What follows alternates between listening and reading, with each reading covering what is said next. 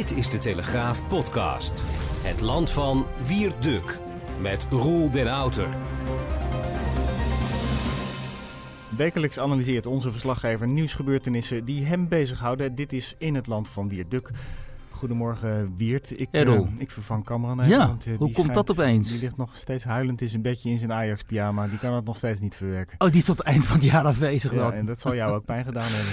het was eh, heel pijnlijk om te zien, ja. Maar het zat er toch wel een beetje aan te komen. En, maar ja, dat, eh, ah, we overschatten Ajax vaak toch wel ook weer dan. Ja. Maar het is natuurlijk ontzettend jammer. Gewoon de ploeg die het mooiste voetbal speelt in die pool en die ligt er dan uit. Maar ja, goed, ze kunnen nu Euro- Europa League eh, gaan winnen. Dus we kunnen nog een aantal mooie wedstrijden Maar ik heb gezien zien. wat voor tegenstanders daarin zitten in die pot. En dat valt, dat valt ook niet mee. valt ook niet mee. Nee, dat gaat niet, eh, dat gaat niet zomaar gebeuren. Alhoewel heel veel Amsterdammers dat wel meteen denken. Ehm, ja, Wiert, afgelopen weekend eh, stond er in de Volkskrant een eh, interview. En daar werden vier of vijf of zes eh, Ja, nee, jonge, een, een achtergrondverhaal was het. Dus er werd niemand geïnterviewd. Dat was geen, ja. nee, precies. Nee. Het was een analyse over Ja. de opkomst van jonge Blondjes. rechtse blondjes. Ja. En eh, die werden meteen in de rechtsextremistische hoek geduwd. Ik heb het verhaal zelf gelezen. Ik dacht, nou, voor de Volkskrant vond ik het, de framing best nog wel meevallen. Dan heb je toch wel Maar een heel ik- bedenkelijk beeld van Ja, die Volkskrant. Ik was op zaterdagochtend lekker uitgeslapen. Ik was niet naar de sportschool geweest, dus ik was helemaal uitgerust. Ik denk, ik kon het hebben. Het drong niet helemaal tot je door. Eh, maar, jij, maar jij hebt je er enorm over opgewonden. Nou, kijk, ik, ik wind mij op over eh, de manier van eh journalistiek bedrijven in dit geval. En eh, kijk, het ging dus om een verhaal waarin een aantal vrouwen die dus blond zijn, eh, blank en een rechtse mening, hè, eh, waarin die eh, dus worden neergezet als een soort verkapte Eva Browns. Ook in de, in de intro van dat stuk werd dus heel duidelijk gezegd: hè, ze zijn jong, ze zijn blond, ze zijn knap, ze zijn tot in de puntjes verzorgd. Dit zijn de gezichten van radicaal rechts. Ja. Nou, dat is toch, dat is gewoon. Moet je je voorstellen, hè? we zullen het even omdraaien. Hè? Ze zijn, laten we zeggen, ze zijn knap, ze zijn zwart. Eh, en en al, die, hè, al deze categorieën. En dan zeggen ze zijn de nieuwe gezichten van radicaal links. Dan krijg je dus een hele meute Dan over je heen. over Hoe je heen. racistisch en seksistisch je bent als auteur. Maar deze twee auteurs van de Volkskrant, die kunnen dit dus gewoon oppennen. En, eh, en vervolgens krijgen ze applaus uit eigen kring. Ja. En dat is wat mij het meeste stoort. Hè. Het gaat me er helemaal niet om om eh, rechtse praatjes, zoals men, men dat dan noemt, te gaan verdedigen. En er is van alles ook. nou ja, nee, ik ga helemaal geen disclaimers hier houden trouwens. Daar heb ik helemaal geen zin in. Ehm, maar het gaat om de, ehm, de manier waarop dan die journalistiek wordt bedreven.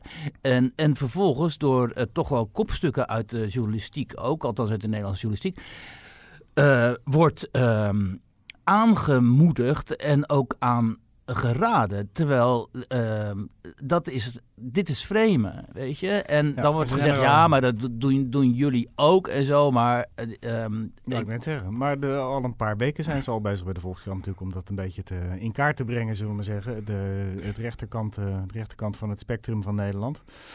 Laat ik het even netjes zeggen. Maar jij vindt dat ze daar op een afschuwelijke manier aan het framen zijn. Nou ja, kijk, voor mijn eh, stukken ehm, eh, ga ik dus. eh, verkeer ik in allerlei milieus en ook in dit milieu. Dus ik ken heel veel van die mensen waar ze het over hebben. En als ik dan zie hoe die af en toe worden neergezet, dan denk ik, ja, maar dit komt er helemaal niet overeen met wie deze mensen eh, zijn. En ook niet met het milieu waar ze uitkomen. Ehm, maar dat, zal, dat, kijk, dat, die kritiek krijgen wij als wij iets over Kick-Out Zwarte Piet schrijven bijvoorbeeld. Dan zeggen die mensen van ja, maar dit zijn helemaal niet eh, onze vrienden. Zo zijn onze vrienden helemaal niet. Maar we kunnen dan in elk geval op basis van uitspraken van deze mensen eh, aantonen wat bijvoorbeeld het gevaar is van zo'n radicale actiegroep als Kick-Out Zwarte Piet. Omdat daar mensen, eh, zeg maar, kopstukken van die beweging dingen zeggen als, joh, als het niet op een vreedzame manier lukt, dan moeten we het misschien maar eens op een andere manier gaan proberen. Die dan heb je aantoonbaar een feit waarmee je kunt aantonen van, ja, dit is natuurlijk niet zo kosher. hè. Zij roepen min of meer op tot geweld. Terwijl Eva Vlaardingenbroek, bijvoorbeeld een van die vrouwen die daar eh, geciteerd werd eh, in de Volkskrant, die toch helemaal niet.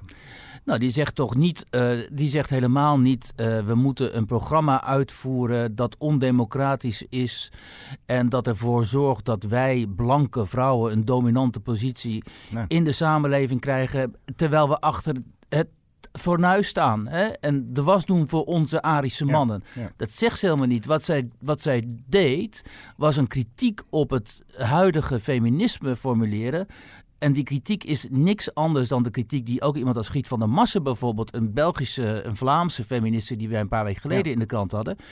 Dat is de, precies dezelfde kritiek. En Giet van der Massen is gewoon links. Die zit bij de socialisten of bij de groenen. Hè? En dat, die kritiek bestaat eruit dat, ze, dat zij zeggen, joh, er zijn gewoon aantoonbaar wetenschappelijk, biologisch, evolutionaire verschillen tussen mannen en vrouwen. Op basis daarvan hebben mannen en vrouwen nu eenmaal uh, verschillende interesses. Vrouwen zijn er meer, uh, zijn meer toch uh, mannen zijn meer competitief en carrièrebewust, gaan vaak voor die carrière. Vrouwen hebben toch zoiets van we willen graag meer zorgen. Dat zit allemaal in die genen, in dat DNA. En dus moet je vrouwen niet dwingen om uh, bepaalde posities in te nemen. Net zo min als dat je mannen moet dwingen om andere posities in te nemen... die misschien wel niet zo goed bij hen natuur, bij hun natuur past. Nou, daar is niks... En dan krijg je onmiddellijk van, oh, oh nazi, oh, uh, oh fascist en zo. Wat natuurlijk allemaal onzin is. Dit is gewoon op basis van wetenschappelijk onder, onderzoeken. En daar kun je een gefundeerd betoog tegenover zetten. Maar een betoog daartegenover moet er niet uit bestaan dat je mensen uh, fascistisch of nazistisch of radicaal rechts of nou, bruin gaat noemen. Ja, oké. Okay, uh, nazi's werden ze niet genoemd. Maar nee, maar de, de associatie radicaal rechts is natuurlijk gewoon nazisme. Heel simpel, ja, weet je. Dat ze doen dan net, dan, dan gaan ze zeggen ja, maar we noemen ze niet extreem rechts, we noemen ze radicaal rechts. Wat is er radicaal aan dan? En als je zegt radicaal rechts, dan heb je het gewoon over bruin. Als ik zeg radicaal links, dan heb ik het over antifa en dat soort, dat soort buitenparlementaire agressieve actiegroepen, dat is voor mij radicaal links. En dat is niet de SP of de Partij van de Arbeid. Hè. Hoewel in de SP helaas dan wel weer sympathie bestaat voor die antifa. Dus we moeten even de definities duidelijk houden. En dat gebeurde in dit geval niet. En dat is gewoon niet oké. Maar goed, um, ja, misschien ik moeten wij die vrouwen ook eens aan het, aan het woord gaan laten. Ja, ik begrijp dat uh, Eva Vladingenbroek uh, zaterdag uh, in de krant uitgebreid aan het woord komt. Dus ik zie daaruit. Ik ben heel benieuwd wat haar reactie hierop is. Ja, ik ook.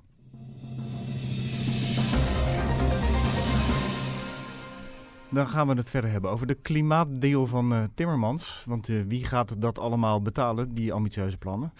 Uh, we gaan het ook nog hebben over de zwartgelakte dossiers van de kinderopvangtoeslag. Dat schandaal wat zich donderdag of woensdag afspeelde. En uiteindelijk sluiten we af met uh, in Nederland de rubriek van, uh, van Wie het in de krant. En dan gaat het over de verdwijnende servicebalies. Waar moet ik als oudere straks nog mijn geld ophalen? Um, maar, maar, eerst die Green Deal. Ja, we gaan het eerst hebben over, uh, over Timmermans. Want die gaat flink uitpakken. Miljoenen laadpalen, miljoenen, wat was het allemaal? Kijk, um, uh, Brussel, laten we zo maar noemen, heeft een plan om uh, Europa in 2050 klimaatneutraal uh, te hebben. En het is de Green Deal die gisteren werd gepresenteerd door Frans Timmermans. Was het gisteren? Ja, geloof wel. Ja. Um, dat is een gigantisch ambitieus project. Um, die een, triljoen moet gaan kosten. Niemand heeft idee waar het geld vandaan moet komen. Dat eruit bestaat dat op alle gebieden in ons leven en in onze samenleving wij moeten verduurzamen en vergroenen. Um, hierover is in de, bij, tijdens de Europese verkiezingen. Uh, dit, is dit plan niet aan ons burgers voorgelegd. Nee, uh, niet dat ik weet. Nee, Frans Timmermans die wilde uh, voorzitter van de Europese Commissie worden. Ja. Hij was, plaats 2 kwam niet eens in aanmerking. Dan zou hij vertrekken. Precies, was hij dat maar geworden. nu is hij nummer twee en nu is hij klimaatpaus. En nu overvalt hij Europa schijnbaar hè, met dit enorme plan. Wat in principe, waarvan de vraag is waar het draagvlak eh, daarvoor ligt. Hè? Nu doet zich een interessante feit voor dat als jij de vraag stelt van joh, um, hoezo hebben Timmermans en de commissie dit mandaat? Dat mensen zoals eh, vandaag André Krauwel, dat is dan zo'n onderzoeker van de, van universitair onderzoeker die ook um, electorale uh, bewegingen in, in, de gaten houdt, dat die dan gaan zeggen. Nou, dat mandaat lag bij die verkiezingen, want uh, hè, daar is Timmermans zo goed uitgekomen. Ja. Die partijen die dit willen, zijn daar zo goed uitgekomen. Dus dit is de wil van het volk. Dus dat is de interpretatie die deze mensen eraan geven. Uh, terwijl ik je geef je op een briefje, als wij een referendum zouden uitschrijven, hè, we hebben geen referendum meer, maar als we dat zouden uitschrijven in Europa, dan zou in heel veel van die lidstaten de uitkomst zijn nooit aan beginnen. Want dit is en een bodemloze put. Er is helemaal niet gezegd dat dit uh, plan uh, resultaat zal opleveren. En het gaat ons krankzinnig veel geld kosten. Ja, en dan wordt het ondertussen ja. geframed hè, in het Europese parlement. Door van die parlementariërs die helemaal achter gaan staan. Die dan zeggen: nee, dit gaat heel veel duurzame jobs opleveren. En mensen die nu in een zeg maar niet duurzame baan zitten, die worden helemaal begeleid naar een duurzame baan.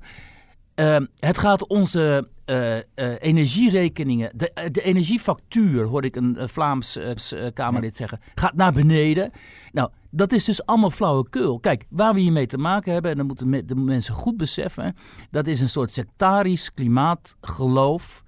Um, dat zich meest heeft gemaakt van wat wij inmiddels de elites zijn gaan noemen. En in Brussel gebeurt dit vooral omdat dit een uitgelezen kans is voor de Brusselse bureaucratie om nog veel meer macht naar zich toe te trekken. Omdat als vanuit Brussel allerlei oekases komen over wij, hoe wij moeten leven. En of we nog wel of niet vlees mogen eten. En of we nog wel of niet dit en dat en dat. Dan vergaren zij gewoon uiteindelijk de macht om die ideeën die zij hebben over een superstaat en over een, uh, een politieke unie en noem maar op, om die nog weer een push te geven. Er is ook, hoorde ik, um, uh, zijn er nu alweer plannen om allerlei conferenties te organiseren in de komende jaren, onder leiding van Guy Verhofstadt. Nou, uh, ja, de grotere eurofiel bestaat er niet. Om uiteindelijk weer tot zoiets te komen als die Europese grondwet, grondwet die destijds in Nederland is verworpen. Om uiteindelijk die, die Europese populaties toch weer zo'n uh, verdrag uh, door de, uh, in, in de maag te splitsen. Ze willen en ze zullen en ze moeten. En uh, het, het nare is dat als je daar kritiek op hebt, of je denkt van joh, 11 triljoen, hè, waar moet dat vandaan komen? Dat kan alleen maar uit nog veel hogere belastingen komen dat je dan inmiddels in een heel klein kamp uh, van eurocritici zit, omdat uh, onze middenpartijen massaal ook zijn overgestapt naar wat, wat eigenlijk in mijn ogen wel een radicaal uh, milieuprogramma is. En wie had dat uh, een aantal jaren geleden voor mogelijk gehouden dat VVD, CDA en zo zich aansluiten bij dit soort uh, krasse, zoals de Duitsers zeggen, maatregelen? Ja, Ed Nijpels heeft het uh, voorwerk gedaan. Hè? En bij de klimaattafels waar wij ook niet om gevraagd hadden toen ik een paar jaar geleden ging stemmen. Precies, dus dan krijg je dus de Nederlandse klimaattransitie in combinatie met deze Green Deal van uh, Timmermans, waardoor Frans Timmermans uiteindelijk toch als de grote verbouwer, hè, de GV van Europa, uit uh, de, in de geschiedenis uh, zal maar Frans, hij, opstaan. Hij, hij, krijgt wel nooit iedereen op één lijn. Die Fransen denken daar toch heel anders over dan, uh, dan Oost-Europa is sowieso, denk ik. Nou kijk, uh, wat hierachter zit is dat... Uh, kijk, is een, de Fransen en de Duitsers die wilden dit. En wat hierachter zit bij Duitsland is dat Angela Merkel... die heeft haar legitimiteit voor een groot deel in de eigen land verspeeld. Ja.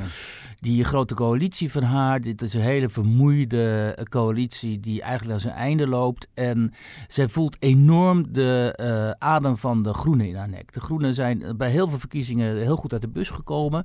Uh, zijn zo ongeveer de tweede partij. En die zouden wel eens uh, uiteindelijk, ja, dat vinden wij heel moeilijk voorstelbaar in Nederland, maar als grootste partij kunnen eindigen in Duitsland. Duitsland heeft toch een beetje die rare traditie hè, van natuur en groen en noem maar op. En als dan de grote middenpartijen zichzelf zo uh, in de voet schieten als ze de laatste jaren hebben gedaan, ja, dan is er natuurlijk vraag naar alternatieven. Nou, die alternatief voor Duitsland, wat de rechtspopulistische alternatief is, dat is gewoon veel te verdacht. Er zitten ook, vind ik, ook dames en heren, te veel uh, figuren in die gewoon uh, totaal niet onbesproken zijn. Die, nee, bruinhemden. Ja, bruinhemden zitten daartussen ook. Dus dat, dat is, die, heeft, die, die partij is voor een groot deel gewoon niet legitiem. Nee. Uh, vervolgens duiken dan die groenen op, hè, die, zich, die zich altijd voordoen als progressief, jong, vrolijk. Hè, de, de, de, de Greta Thunberg-achtige urgentie uit willen stralen. Dat is helemaal niet zo. Het is eigenlijk in wezen een hele conservatieve burgerlijke partij. Vooral in Duitsland, wat een heel burgerlijk land is. Maar ze presenteren zich op die manier. En ze vormen een bedreiging voor Merkel. Merkel heeft al eerder een, een standpunt van hen overgenomen toen na Fukushima. Hè, toen heeft ze die atoomausstiek uh, uh, heeft ze gerealiseerd. Toen heeft ze dus uh, afgezien van atoomenergie. vervolgens moest Duitsland die energiewende ingaan. Hè, dus overstappen op zon- en windenergie. Dat is een gigantisch project ook, wat krankzinnig veel geld heeft gekost. Het kost de Duitse burgers enorm veel geld en het is niet succesvol. Alleen maar al. Om... Europa is toch gewoon hopeloos verdeeld. Wij gaan van het gas af. De Duitsers die, ga, die sluiten al hun kerncentrales. In Frankrijk leven ze van de kerncentrales. En dan willen ze eigenlijk nog wel meer. Ja. Dus het is zo verdeeld. Hier, kunnen ze toch nooit, hier komen ze toch nooit uit. Uh, jawel, omdat de Fransen en de Duitsers uiteindelijk gewoon bepalen wat er ja, gebeurt in Europa. Die denken, niet tegenover hierover, staan, hè. Macron die wil, die wil dit ook. Die wil ook die klimaatneutraliteit. Ja, maar die heeft Ehm, al bijna door al die kerncentrales. Nu moet de rest van Europa mee. Ja, maar, die, en- maar Duitsland gaat geen kerncentrales Nee, bouwen. dat zeker niet. Maar Nee. die, gaat via, hè, die zijn bezig met dat zon- en, en, en Ja. eh, windtraject. Ja, dat dus wat de Duitse burger, toen ik daar woonde, betaalde ik me er ook eh, blauw aan. Eh, de enige eh, tegenstand komt vanuit Oost-Europa, hè, waar ze op, kolencentrales eh, leven. Ja. Alleen die worden omgekocht. Hè. Er gaan gewoon een aantal miljarden gaan naar Oost-Europa in de hoop dat die landen ook omgaan. Estland is al om, nu gaat er nog om Polen en Hongarije. Dus eh, die worden gewoon gekocht. En uiteindelijk, hè, en, het, en, het, en het, het merkwaardige hieraan ook is dat Nederland al voor op de fiets zit. Ik bedoel, het is niet zo dat wij een beetje sceptisch achteraan sluiten. Nee, wij zijn het beste jongetje Ja, van de klas natuurlijk. Biomassa-centrales die achter Precies. weer, eh, En wij zijn ook blijven. altijd het, ongeveer het enige land dat tot in de puntjes doet en betaalt wat er vanuit Brussel eh, gevraagd wordt. Dus- Waarom zijn wij altijd van die brave mensen niet? ja, dat is dus toch onze, denk ik, eh, helaas onze Calvinistische eh, instelling. En als we afspraken maken, dan komen die kennelijk ook Ja, na. dat doen we. Hè? Hè? En er wordt gewoon ook heel veel geld verdiend aan. eh, wat denk je dat aan deze enorme transitie eh, verdiend gaat worden? Door mensen die inspringen op dit, eh, hè, in de economie op deze plannen. Dus dit is voor heel veel mensen ook een goudmijn. Nou, wie bedoel je dan? Nou, als jij de afgelopen jaren in de zonnepanelen bent Ja. gegaan of in de windmolens of in ander, anderszins daar duurzame kan, energie. Daar, daar kan iedereen in beleggen. Ja, maar ook, maar goed. Daar kan het hele land van profiteren. En de subsidies, hè? Dus er worden. Kijk, wat er gaat gebeuren is dat Brussel ga- bijvoorbeeld gaat subsidies geven aan, eh, aan initiatieven die duurzaam zijn, die groen zijn. Ja. Dus in die zin gaat dus. Eh, Brussel, wat eigenlijk, hè, waar, dus waar een, een democratisch tekort omheen hangt. Want wij kiezen nooit die commissarissen en zo. En het is gewoon niet een democratisch, eh, de democratische organisatie. Maar die gaan wel bepalen uiteindelijk wie in die lidstaten mogen meedoen en wie niet. En zo vergaart die Brusselse democratie steeds meer macht en wordt de Nederlandse soevereiniteit steeds verder uitgehold. En uiteindelijk zijn we allemaal deel van dit grote Kafkaeske Brusselse plan, zal ik het maar zo eens noemen. En dat is, lijkt mij, een, niet alleen al vanwege het feit dat het democratisch niet goed georganiseerd is, niet iets wat we zouden moeten willen. Maar ehm, de- na de verkiezingen, ha- Timmermans had gewonnen, maar greep toch naast de, de topfunctie in Europa. Dus ik dacht van nou, die gaat een toontje lager zingen, maar eigenlijk eh, wordt hij een van de machtigste mannen van Europa. Het zijn adjudant Diederik Samson, hè? Ja. vergeet dat ook niet. Onze Ja. eigen klima andere klimaatpaus. We hebben nu dus twee klimaatpauzen in, eh, in eh, Brussel. En ehm, dit is in, zekere zin de wraak van Timmermans. Wat heel illustratief was, was gisteren dat hij dacht ehm, dat hij daar dus die klimaatdeal eh, zou gaan, eh, aan het publiek zou gaan presenteren. Maar dat Ursula von der Leyen, de Duitse voorzitter van de commissie, toch ook even langskwam. Want die was natuurlijk beducht ervoor dat Timmermans daar te veel zou gaan shinen. Dus je zag Timmermans al enigszins teleurgesteld daar op positie 2 plaatsen. Het is natuurlijk ook een soort inderdaad machtsstrijd. Dus hij kan natuurlijk niet verkroppen dat hij niet voorzitter is geworden van de Europese Commissie. Was een enorme teleurstelling. En nu gaat hij via deze klimaatdeal alsnog gewoon superbelangrijk eh proberen te zijn. En dat gaat ten koste, ik, ik, ik geef het je op een briefje, dat gaat ten koste van de middenklasse. Dit betekent gewoon een, hè, de, de aanval, een nieuwe aanval op de middenklasse. En die heeft het al heel moeilijk. Ehm, maar het is een treinkelk die niet te stoppen is. En ik, ik, ik zie ook op dit moment helemaal niet hoe dit eh, gecorrigeerd kan worden. Helemaal niet nu de Britten weg zijn natuurlijk eh, met die Ja. brexit. heb je geen steun meer. Daar heb je geen steun meer. Daarom is het voor Nederland zo slecht dat, eh, dat de Britten uit de Unie stappen. Omdat dat was toch altijd een soort van halve rem op al dit soort gekte. Ja, als we dit opnemen is het donderdagochtend, dus we weten de uitslag nog Ja. niet. Maar, en die polsten zitten ze nog ook nog wel eens ernaast, hè? Nou, vooral die polls toen die eh 98% voor Hillary Clinton of 90% voor Hillary Clinton Ja. voorspelde en 10 voor Donald Trump, die zaten er pas naast. Nee, maar in Engeland. Ja, in Engeland ook. naast. Overal zitten polls ja, ernaast. Dat, dat is hopeloos. Maar dan wordt Mensen durven gewoon niet te zeggen op wie ze stemmen. Maar dan wordt de puinhoop alleen maar groter. Dus misschien is het maar beter als gewoon een meerderheid nu voor die brexit stemt. Want dan kunnen ze eindelijk iets doen. En dan kunnen ze altijd nog weer kijken of het wel of niet misgaat. Maar eh, Ja, en onze politici, die, hè, het allergrootste deel, die gaan er toch vanuit, joh, eh, je, je moet meedoen. Doen. Want anders, als je niet meedoet, dan haak je helemaal af. Ja. En dan, dan sta je helemaal achter in de rij. Dus wij gaan liever voor in de rij proberen te staan met de, met de grote landen. Ja, en de rekening die komt er op het bordje van de gemiddelde burger.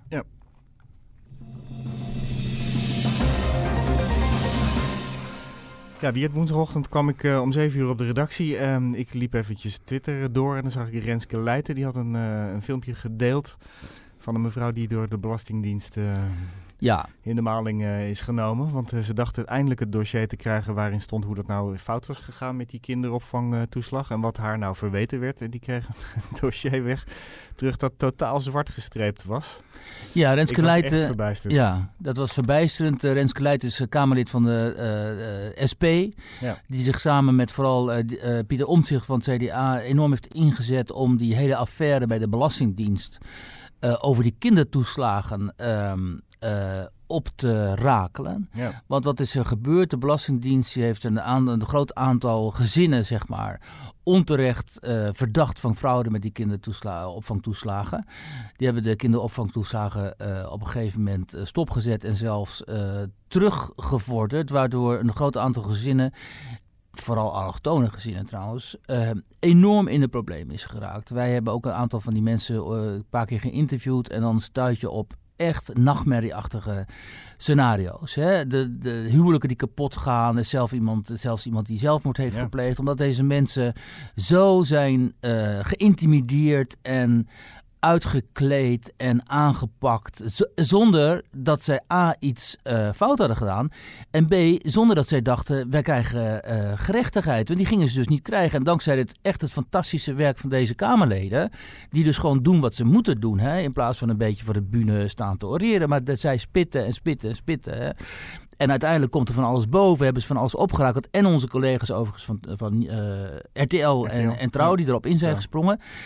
Blijkt dus wat voor Kafkaïske Maar nogmaals. sorry, je had het net over Kafka in Europa. Maar, Ja, eh, in eigen huis. in Ik wilde Den net ook zeggen, van, ja. ook in eigen huis dus, ehm, bij dit soort instituties ehm, eh, wordt gedacht en gehandeld. En dat Maar- grenst echt. Wij, ik heb, we hebben het in de podcast ook vaker over gehad. Hè? Ik noem dat, dan echt uh, totaal heel goed voorbeeld van onbetrouwbaar bestuur.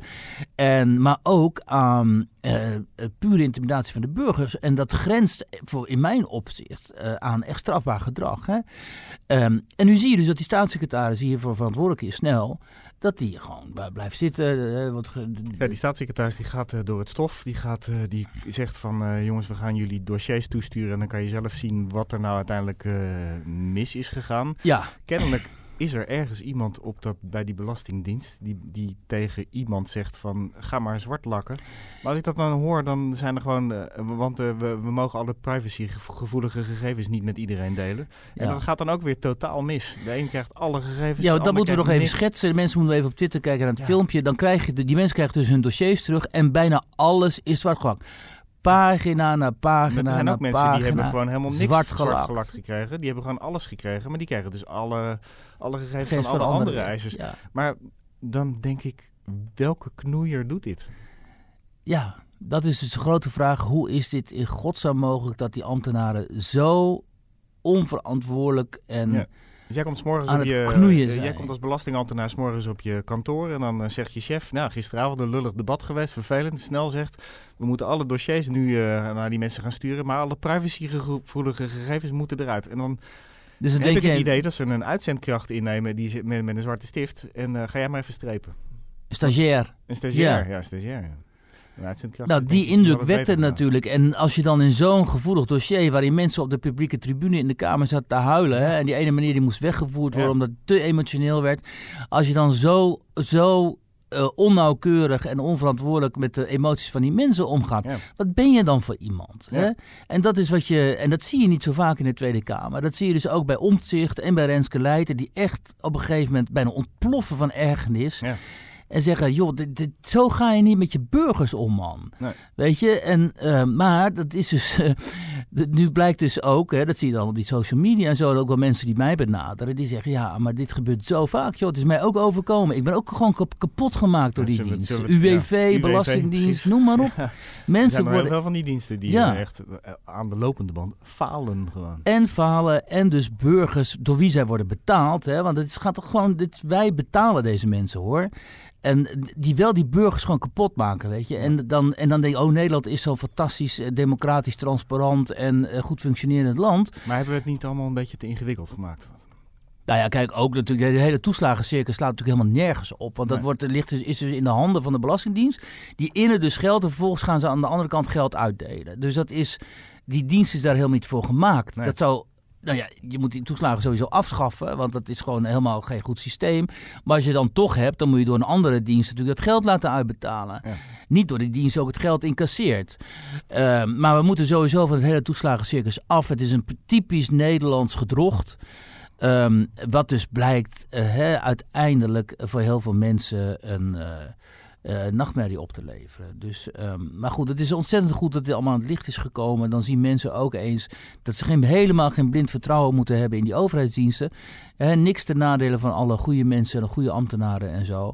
Maar dit heeft toch wel aangetoond dat er in ieder geval bij die belastingdiensten heel veel mis zit. Het geeft ook wel aan hoe onmachtig je als burger gewoon bent. Hè? Het is gewoon een soort tsunami die over je heen komt. Oh ja, als je eenmaal als burger in dat systeem zit en je bent eenmaal, zeg maar, je wordt verdacht ergens van. Uh, en je wordt uh, gevolgd, dan, ben je, dan beland je dus echt in een Orwelliaans uh, methode, hoe heet dat? systeem. En dan is het heel erg moeilijk om daar weer uit te ontsnappen. 1984 was het, hè? Voor deze mensen is dit echt 1984, ja. En ik vraag me af hoe zij dat psychologisch gaan verwerken, want het gaat niemand in de koude kleren zitten.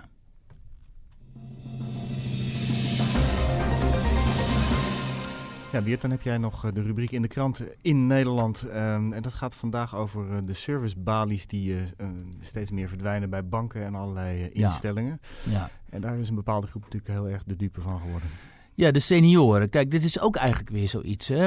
Um, waar, eh, ook zo'n voorbeeld van dat, eh, in dit geval dan de banken. Hadden net over de overheid, maar dat de banken de menselijke maat uit het oog verliezen. Uh, je hebt die service, die, er zijn natuurlijk al heel veel bankfilialen gewoon waar je naartoe kunt om met een vraag en zo zijn verdwenen. Vind ik ook lastig. Ik wilde bijvoorbeeld, een puur voorbeeld. Ik heb nog ergens een van de rekening bij ABN AMRO ben het rekeningnummer vergeten. En, dan, uh, en ik wil toch eens kijken wat er met die rekening gebeurd is. Dus ik wil graag naar ABN AMRO kantoor. Is er niet. Geen idee. En als je daar dan komt, dan is het bijna onmogelijk. Als je dan wel erg, hè, dan sta je dus heel lang te wachten, althans in mijn geval. En, uh, dan, uh, en als je dan dat rekeningnummer wil opdiepen, dan is het ontzettend ingewikkeld, omdat je via allerlei uh, procedures moet omdat je niet wordt geloofd. Nee, hè? je moet je paspoort bij je hebben. Je moet, echt, weet ik van wat je ja. allemaal niet, wel niet bij je moet hebben, ja. ja. Uh, Oké, okay, dat is nog tot daaraan toe, maar je wordt, weet je, het is gewoon helemaal niet uh, klantvriendelijk. Nou, die bankkantoren zijn dus uh, verloren gegaan, die zijn weg. En uiteindelijk zijn er dan die servicebalies bij winkels als de Bruna en zo daarvoor in de plaats gekomen. Hè? Uh, en dat voor heel veel senioren, dus voor mensen, uh, ouderen vandaag, zoals we dat noemen, is zo'n uitje naar zo'n geldautomaat bij zo'n servicebalie en even een praatje met een van die medewerkers, een soort uitje van de dag. Of van de week, want die mensen komen natuurlijk vaak helemaal niet meer buiten. Nu worden die servicebalies ook nog eens afgeschaft. Waardoor zij um, uh, angst hebben voor twee dingen. Namelijk dat ze dat uitje op hun buik kunnen schrijven. Dat vinden ze jammer. En ten tweede dat ze niet aan cash geld kunnen komen. Nu is het zo dat uh, het gaat in dit geval om ING die uh, 40% van het aantal eh, servicepunten wil afschaffen. Uh, nu zeggen ze bij ING ja, maar weet je wel, die servicebalie schaffen wel af. Maar de geldautomaat die blijft wel. Die komt in handen van Geldmaat. Dat is dan zo'n overkoepelende uh, organisatie die met uh, ABN AMRO en, ja. en ING en zo samenwerkt. Gele, dat zijn die gele ja. dingen waar dan niet meer het logo van jouw bank op staat, maar dat ja. is dan zo'n geel ding. Maar de ABN heeft er ook al de helft van uh, geskipt. Ja, van die, ja dus um, en nu is er natuurlijk protest onder ouderen en onder mensen die, uh, met, die, hè, van, die met die ouderen te maken, mantelzorgers en zo. En dan zegt ING, oh ja, uh, dat is inderdaad wel vervelend. Weet je wat, we gaan digi-coaches of zorgcoaches inschakelen... Ja. om deze mensen vertrouwd te maken met internetbankieren. Dus dat ze toch meer gaan op het, via het internet gaan bankieren. Ja, dat haalt je de koekoek. Dat kun jij en ik. En we hebben een app en zo. Dat is allemaal hartstikke makkelijk. Maar deze mensen zijn vaak 80 of 90. Die hebben niet eens een internetaansluiting en geen computer. En die hebben geen idee. En het, de, de, de trend in de samenleving is nou juist dat we deze mensen zo lang mogelijk thuis willen hebben wonen. Niet meer in een bejaardentehuis. Er zijn helemaal geen plaatsen meer in de bejaardenverzorgingstehuizen. Dus deze mensen dwingen wij om zoveel mogelijk thuis te wonen. Ook om een soort van mantelzorg voor hen te creëren hè, via de kinderen en zo, voor wie dat vaak ook best wel lastig is natuurlijk. En dan gaan we hen ook nog eens een keer uh, het lastig maken met dit soort eigenlijk nutsvoorzieningen. Daar komt het op neer. Um, dat is, dat, dat is uh, um, ten aanzien van deze mensen eigenlijk een heel onmenselijk uh, standpunt. En typisch weer zo'n voorbeeld vind ik van hoe de samenleving dan de gemeenschap verschaalt. En uh, ook via digitalisering verschaalt. En hoe menselijke contacten afnemen daardoor en ook geproblematiseerd worden. Omdat er nou eenmaal minder menselijke contacten dan zijn. En goed, dat ja, heb ik dus opgetekend. zeg maar hoe we dat oplossen. Uh, nou, door en, denk ik, en aan die digitalisering te doen hè, voor die jongere generaties, voor mensen zoals ons, omdat het voor ons gewoon hartstikke makkelijk is en prettig en zo, voor zover ik nog kan zeggen dat wij jongeren, althans ik jongere generatie ben, maar goed, onder, in ieder geval ben ik nog geen tachtig.